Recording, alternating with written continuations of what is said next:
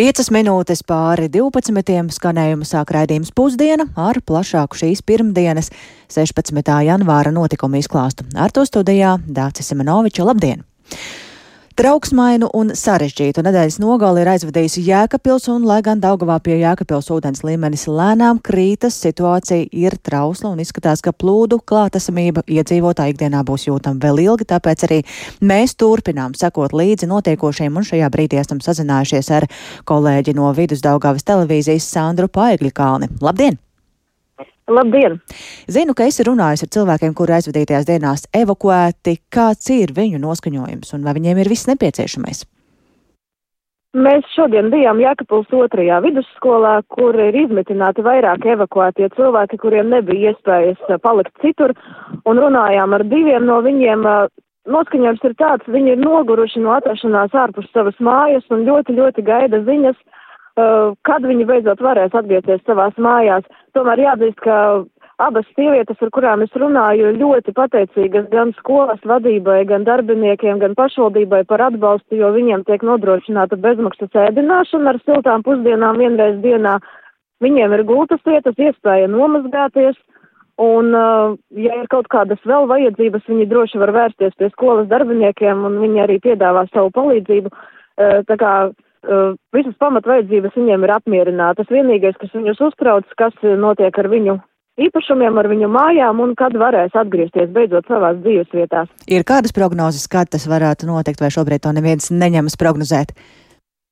Šodien no rīta civilās aizsardzības komisijas sēdē tiek spriests par to, vai atļaut Daugavas labāk rast iedzīvotājiem atgriezties, jo tur situācija ir daudz mierīgāka, stabilizējusies. Es šobrīd arī esmu Daugavas labāk rasta uh, tuvumā pie Daugavas un ūdens līmenis tiešām ir krities. Uh, var redzēt, ka Daugava ir pastrādājusi pie Daugavas aizsargdāmbiem margas, daudz viet ir salauztas, tātad uh, ledus gabali darījuši savu, uh, bet uh, situācija ir stabila, tāpēc uh, šodien tiek lemts par to, vai atļaut vai neatļaut Daugavas labāk rast cilvēkiem atgriezties, bet vēl līdz uh, pulksten 12. man nebija informācijas par rezultātu. Jā, kā ir ar satiksmi, veikaliem, vai tas viss ir atjaunots?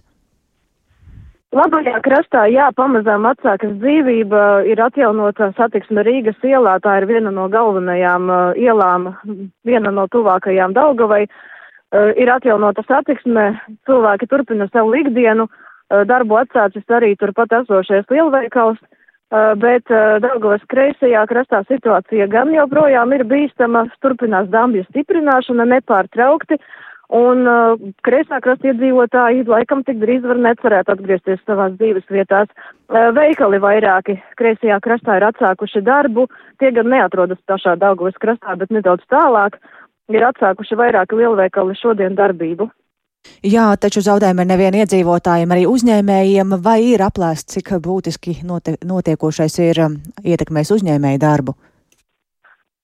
Šobrīd es zinu situāciju par Sijā Ošukauns, kas uh, atrodas uh, vienā no teritorijām, kuru visvairāk skāruši plūdi, un uh, šis uzņēmums uh, vēl nav aplaisis, protams, zaudējumu apmērus. Tas notiek, noteikti notiks tikai pēc tam, kad viss te būs nostabilizējies, tad viņi aplēsīs. Bet jau tagad ir skaidrs, ka zaudējumi būs lieli, jo uh, koku materiāli ir uh, ūdenī un uh, arī biroja telpas un noliktavas uh, daudzas telpas ir ūdenī, tāpēc, tāpēc uzņēmējs uh, prognozē, ka zaudējuma apmērs būs liels.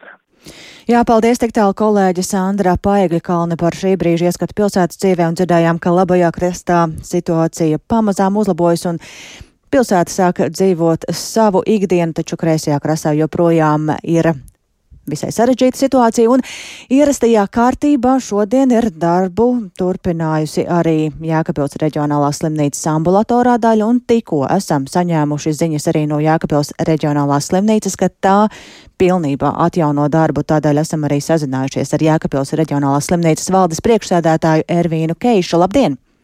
Labdien! Tātad no kura brīža slimnīca strādā pilnā apjomā?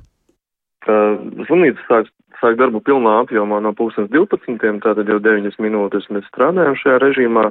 Tas gan nenozīmē, ka mēs strādājam ierastajā gaitā, mēs joprojām sagat, saglabājam šo te gatavības rēģēšanas režīmu, paļaujoties, ka iestājoties zināmiem apstākļiem mums var būt grūtības turpināt darbu, mm, tāpēc šobrīd ļoti, ļoti uzmanīgi monitorējam šos te ļoti augstas prioritātes pacientus un augstas prioritātes pacientus, tātad pacientus, kuri nespēja pārvietoties paši vai kuriem ir jānodrošina šis te noteikts aprūpes procesu līmenis un nepārtrautība. Tad, tas nozīmē vienkārši, ka šobrīd kopā jau uh, saziņā ar uh, atbildīgajiem dienestiem mēs šo te konkrēto pacientu grupu skaitu ļoti uh, uzmanīgi monitorēsim un mēģināsim nepieļaut, lai slimnīcā šo pacientu skaitu nekontrolēti pieaug. Tas, tas nozīmē, ka jūs skatīsieties, kurus pacientus uzņemt, kurus nē. Tas attiecas arī uz plānveida pacientiem. Nē, šo, šo, šobrīd faktiski mēs neierobežam šo te uzņemumu pacientu grupas, e, bet e, tas nozīmē vienkārši, ka mēs monitorēsim, lai šis te pacientu īpatsvars nepārsniedz kaut kādu saprātīgu robežu, kas e, mums, teiksim, apgrūtinātu tālāku darbu un radītu kaut kādus nepamatotus riskus. Pirms šīs smagās nedēļas nogales jūs arī evakuējāt desmitiem pacientu, tie tika pārvest uz stacionāriem Rēzaknē, Daugopilī un aizkrauklē. Kas notiks ar šiem pacientiem? Viņi paliks tajās slimnīcās vai jūs vedīsiet atpakaļ pie sevis? Mm, šobrīd mēs šo jautājumu vēl vērtējam. Ir jāsaprot, ka šis te pārvietoto pacientu skaits bija diezgan ievērojams. Tie bija apmēram 48 pacienti, ko tikai NMPD pārveda. Tas nozīmē, ka, nu, ņemot atpakaļ strauji šos te pacientus, es pieļauju, ka dienestiem tas varētu būt papildus sloks, jo, nu, visi šie te pacienti ir jāpārved ar specializētiem transporta līdzekļiem un tāda vienkārši viņa nogādāšana atpakaļ slimnīcā nav iespējama. Šo te jautājumu mēs vēl joprojām vērtējam. Kā jums ir ar nodrošinājumu slimnīcai, vai nav traucēta ūdens apgāde, vai varbūt kādu slimnīcas iekārtu darbība saistībā ar elektrības iztrūkumu nedēļas nogalē? Nē, šo, šo, šobrīd mēs esam nodrošinājuši diezgan lielu aut autonomiju slimnīcas infrastruktūrai, līdz ar to nekāda traucējuma nav novērota. Paldies! Dzirdējām Jākapils reģionālās slimnīcas valdes priekšsādātāju Ervīnu Keišu un atgādināšu tātad būtiskāko, ka jau no pulksten 12. Jākapils reģionālā slimnīca ir pilnībā atjaunojusi darbu un um, Jēkabpilī gan šodien visas skolas ir slēgtas un mācības notiek attālināti. Slēgti ir arī vairāki bērnu dārzi, taču ir arī tādi, kuri strādā un turp var vest bērnus no šobrīd slēgtajām pirmskolas izglītības iestādēm. Vai par to ir interese, to vajadzāšu vienam no pāris bērnu dārziem Daugaus kreisajā krastā, kas ir vaļā, un tas ir Jēkabpils pirmskolas izglītības um, iestāde. Tātad zvaniņš un, un tā vadītāja Silvija Bērziņa. Labdien! Labdien! Vai šodien jūsu bērnu dārzā ir bērnu vairāk nekā ikdienā? Jā, par laimi mūsu iestāde atrodas diezgan augstā vietā, un plūdi ēku un apkārtējo teritoriju nav skāruši. Nu, un līdz ar to, līdz ar to bērni ir bērnu dārzā, viss notiek ierastajā ritmā, ir silts, gaišs, mācību process norit, eh, bet neskatoties uz to, protams, mēs ar sapratni gribam izturēties pret pāriem Un tāpēc arī nu, labprāt palīdzēsim tiem, kam mūsu atbalsts ir vajadzīgs, tiem bērnu dārziem. Respektīvi, iespēja robežās pieņemsim bērnus no citām iestādēm. Šobrīd kāds ir atvedis savu bērnu no kādas citas uh, iestādes? Ziniet, nē, šobrīd vēl neviens pat nav interesējies. Es visu laiku esmu uz telefonu un sazvanāma, ja. Eh, tā kā šāda vajadzība, es saprotu, laikam nav. Bet, nu, es domāju, šodien vēl ir tikai pirmdiena Arī mūsu vecāki viena daļa eh, nav atgriezušies, tie, kas ir plūdu skartajās eh, teritorijās, ir aizbraukuši pie saviem tuviniekiem vai radiniekiem, un arī ir nedaudz mazāk, lai gan šodien ir atprasījušies vecāki un teiks, arī tā būsot uz vietas. Nu, nu, skatīsimies, kāda situācija būs. Viss atbilstoši situācijai. Tātad jūs esat gatavi dažādiem scenārijiem arī tad, ja būs. Nu, jā, papildu... mēs esam jau saplānojuši, kā saka, ir dažādi varianti, kā, kā mēs paši te varam dzīvot, kā mēs citus varam pieņemt. Jā, bet, lai nodrošinātu bērnu dārza darbību, skaidrs, ka ir daudz un dažādu lietu, kas ir vajadzīgas, tāpat ēdināšana, elektroapgāde, vai tas Jā. nekādā veidā jūsu bērnu dārzā nav traucēts? Nu jā, kā jau es iepriekš teicu, iestādē ir silts, gaišs, mācība process norit, ierastajā ritmā, arī ar ēdināšanu pagaidām un produktu piegādi problēmu nav. Tā kā vecāki droši var vest bērnus un visi viņi ir pārēdināti, kā nākas un siltumā un mācību procesu norit. Un jūs arī neesat tajā plūdu apdraudētajā teritorijā, tā kā varētu. Mēs neesam plūdu apdraudētajā teritorijā, nu, nu vismaz, nu, pagaidām, nē, nu, redzēs, ko tas dambis darīs. No tā arī tur daudz kas ir atkarīgs, bet, nu, es, es tā domāju un ceru, ka, ka plūdi arī tad nevarētu skart mūsu iestādi. Jūs satiekat arī ļoti daudz bērnu, ve, viņu vecākus, vai jūs manāt tādu satraukumu par notiekošo? Nu, es domāju, ka visi jākapelieši ir satraukušies, arī mēs tai skaitā. Neatkarīgi no tā, ka tas mūsu iestāde neskar vienalga, nu, mēs uztraucamies par visiem jākapeliešiem. Un, protams, gribam teikt, izmantojot izdevību, lūk, es nevaru bez emocijām runāt, pilnīgi visiem valdībai, vadībai, visiem atbildīgajiem dienestiem jo tiešām visi strādā pārcilvēciski un arī tie dari, darba darītāji, kas to valni stiprina. Tiešām tas tiešām ļoti aizkustina, cik visi viens par otru rūpējās.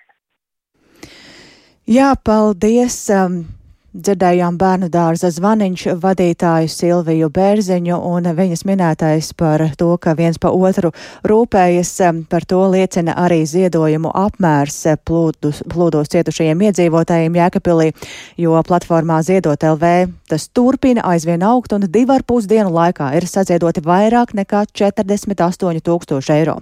Kā stāsta labdarības organizācijas Ziedot LV vadītāja Rūta Dimanta lēmumu par ziedojumu vākšanu pieņēma lielās cilvēku intereses dēļ, un šobrīd ziedo ne tikai cilvēki no Latvijas, bet arī no ārzemēm.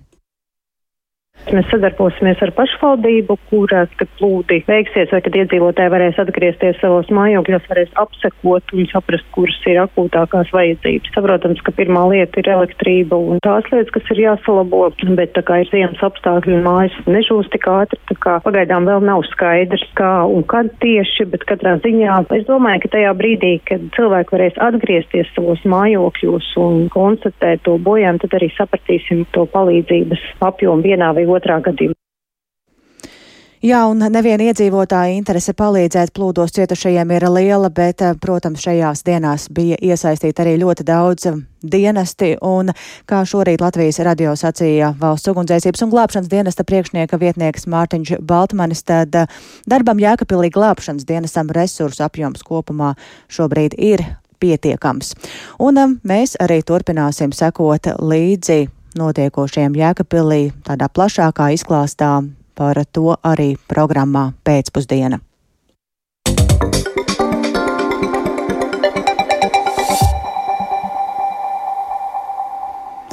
Un turpinām ar citām norisēm. Pieaudzis ir bojā gājušo skaits pēc sestdien notikušā Krievijas raķetes trieciena pa deviņstāvu dzīvojamo ēku Dnipro pilsētā Ukrainas centrālajā daļā. Notikuma vietā joprojām turpinās meklēšanas un arī glābšanas darbi. Tikmēr frontē lielākās cīņas notiek Ukrainas austrumos.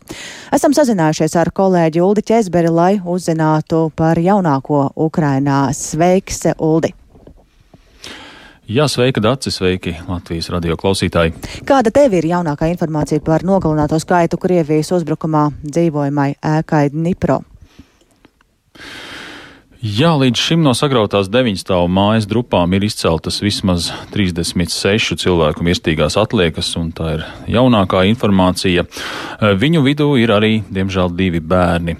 Ārkārtas dienestu darbinieki jau vairāk nekā 40 stundas attīra grūvešus cerībā atrast vēl kādu izdzīvojušo un pēc varas iestāžu aplēsēm zem drupām varētu atrasties vēl vairāk nekā 30 cilvēku. Diemžēl laiks nestrādā par labu glābējiem, tāpēc ar katru stundu samazinās izredzes atrast vēl kādu izdzīvojušo. Ukrainas prezidents Volodimirs Zelenskis vakar vakarā savā video paziņojumā īpaši uzrunāja Krievijas pilsoņus, apelējot pie viņu sirdsapziņas par notikušo terora aktu Dnipro. Un tagad paklausīsimies Zelenska teikto.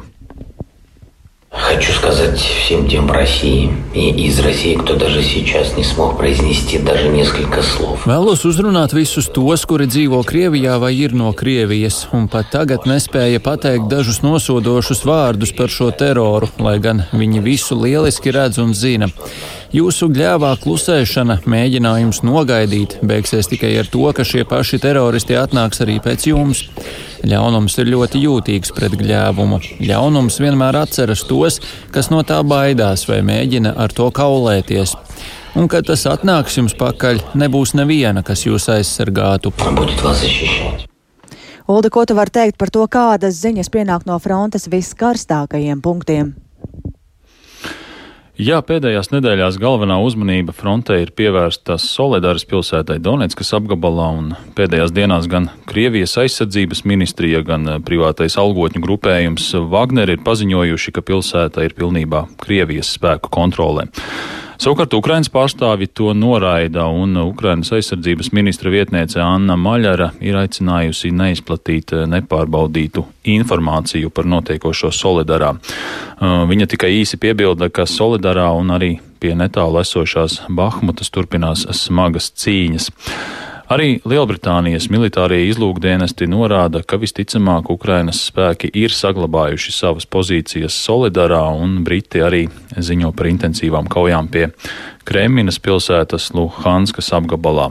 Un uh, Briti arī piebilst, ka Ukraiņu spēki pakāpeniski turpinot virzīties uz priekšu frontes sektorā, kas atrodas uz austrumiem no Kreminas. Dace! Paldies Uldim Česberim par ieskatu norisēs Ukrainās un Raidījumu savukārt turpināsim ar to, ka Šveices kalnu kurortā Davosā šodien sākas Pasaules ekonomikas fórums, uz kuru pulcējušies pasaules valstu politiskie un ekonomiskie līderi. Nākamo piecu dienu laikā diskutēs eh, viņi par globālajiem ģeopolitiskajiem un ekonomiskajiem izaicinājumiem laikā, kad pasaules uzmanības centrā ir karš Ukrainā, bet globālā ekonomika piedzīvo milzīgus izaicinājumus. Vairāk par to stāsta eh, Uģis Lībietis. Līdzīgi kā pagājušajā gadā, arī šogad Davos Pasaules ekonomikas fóruma uzmanības centrā būs Krievijas uzsāktais karš Ukrainā un tā radītās sekas globālajai ekonomikai, kas pašlaik atrodas recesijas priekšā. Inflācija daudz viet strauji kāpj, energoresursu un citu preču piegādes ķēdes ir traucētas, turklāt Ķīna joprojām atgūstas no Covid-19, vai pareizāk sakot, iespējams gaida nākamo slimības uzplaiksnījumu. Uz šī gada tikšanos ieradušies vairāk nekā 50 pasaules valstu un valdību vadītāju, taču interesanti, ka no G7 valstu līderiem klātienē fórumu apmeklēs vien Vācijas kanclers Olafs Šolts. Vienlaikus šī gada fórumu apmeklēs nepieredzēta augsts uzņēmumu vadītāju skaits - vairāk nekā pusotrs tūkstotis. Un, kā norāda Pasaules ekonomikas fóruma prezidents Borja Brende, viens no mērķiem ir veicināt politiķu un uzņēmēju ciešāku sadarbību.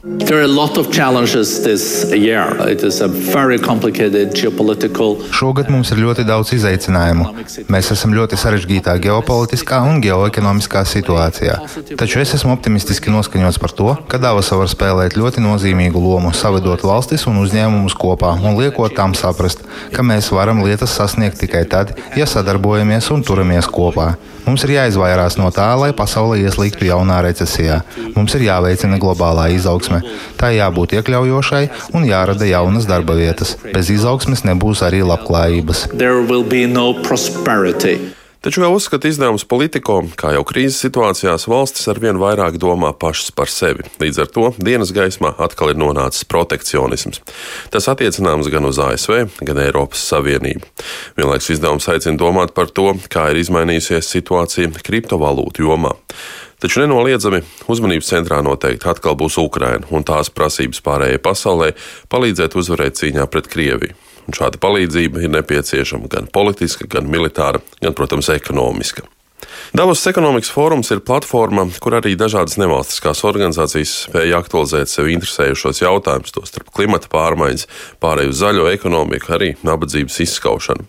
Starptautiskā palīdzības organizācija Oxfam Davos fóruma priekšvakarā ir paziņojusi, ka līdz 2030. gadam uz pusi būtu jāsamazina pasaules miljardieru skaits, panākot to ar augstākiem nodokļiem un citu politiku.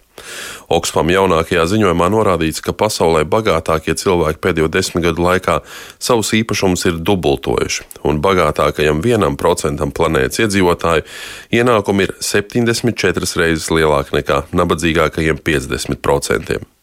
Gan Covid pandēmija, gan pasaules cenu kāpums, gan arī energoresursu cenu pieaugums Ukraiņas kara dēļ šo bagātību ir tikai palielinājuši. Uģis Lībijams, Latvijas Radio.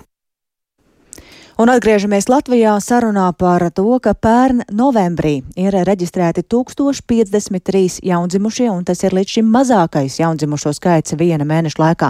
Tāda ir centrālās statistikas pārvaldes provizorisko dati. Kopā pagājušā gada 11 mēnešos Latvijā ir reģistrēti vairāk nekā 14 tūkstoši jaundzimušo, taču tas ir par 10% mazāk nekā vēl gadu iepriekšējā periodā. Tādēļ šobrīd telefoniski esam sazinājušies ar Rīgas ekonomikas augstskolas asociēto profesori, demogrāfi Zani Vārpiņu. Labdien! Labdien!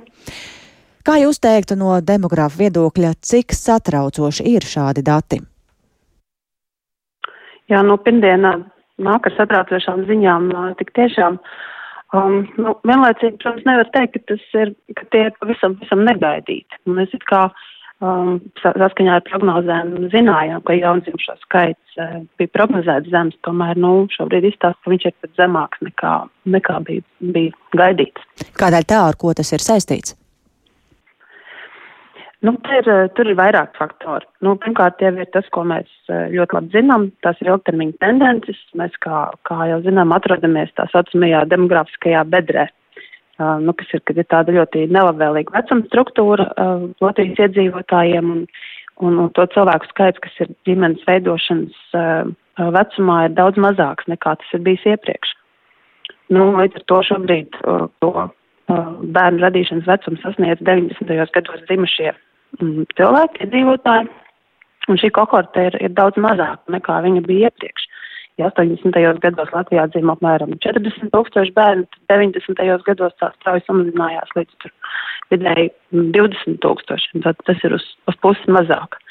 Nu, un uh, to mēs arī, to mēs arī redzam šajos iedzīvotāju tajā struktūrā. Un, um, turklāt iedzīvotāji ir arī emigrējuši, kas, protams, ir vēl papildus uh, samazinājumu jā, iedzīvotāju skaitā. Tātad ir mazāk to cilvēku, kuriem var dzimt bērnu. Nu, bet, ja mēs konkrēti runājam tieši par to novembra statistiku, ko mēs tikko redzam publicētu, tad nu, tur varbūt tādi vēl citi faktori. Nu, pirmkārt, dzimtības radītāji ir arī salīdzinoši tādi sezonāli.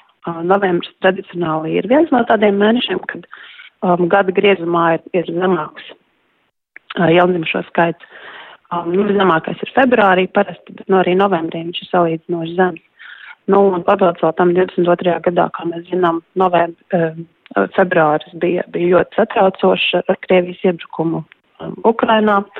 Un, un šajā laikā mēs atceramies arī Latvijā valdīja ļoti liels tāds satraukums par to, kas būs un cik, cik uh, apdraudēts ir mūsu drošība. Tas nozīmē, ka šis arī varētu būt ietekmējis šos. Jā, Jā, es domāju, gan no šādā situācijā drošība ir viens no pirmajiem, kas, kas arī nosaka to, vai vecāki plāno bērniņu tajā laikā vai neplāno.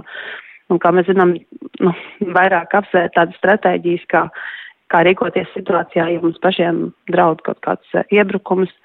Un līdz ar to 14 nedēļas vēlāk, kas ir novembris un decembris, uh, nu, tas, to mēs redzam dzimstības statistikā.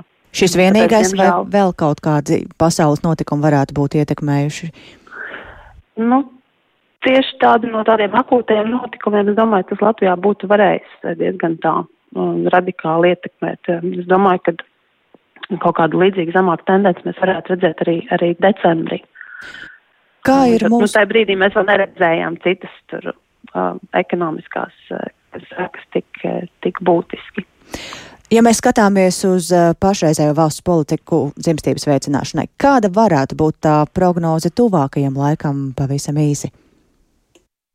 Um, par, par iedzīvotāju skaita prognozēm. Jā, jā par dzimstību tieši. Um, nu, iedzīvotāju skaita prognozes jau, nu, tēmas uh, dzimstības uh, prognozes ir tādas, ka iedzīvot nu, dzimstība um, samazināsies.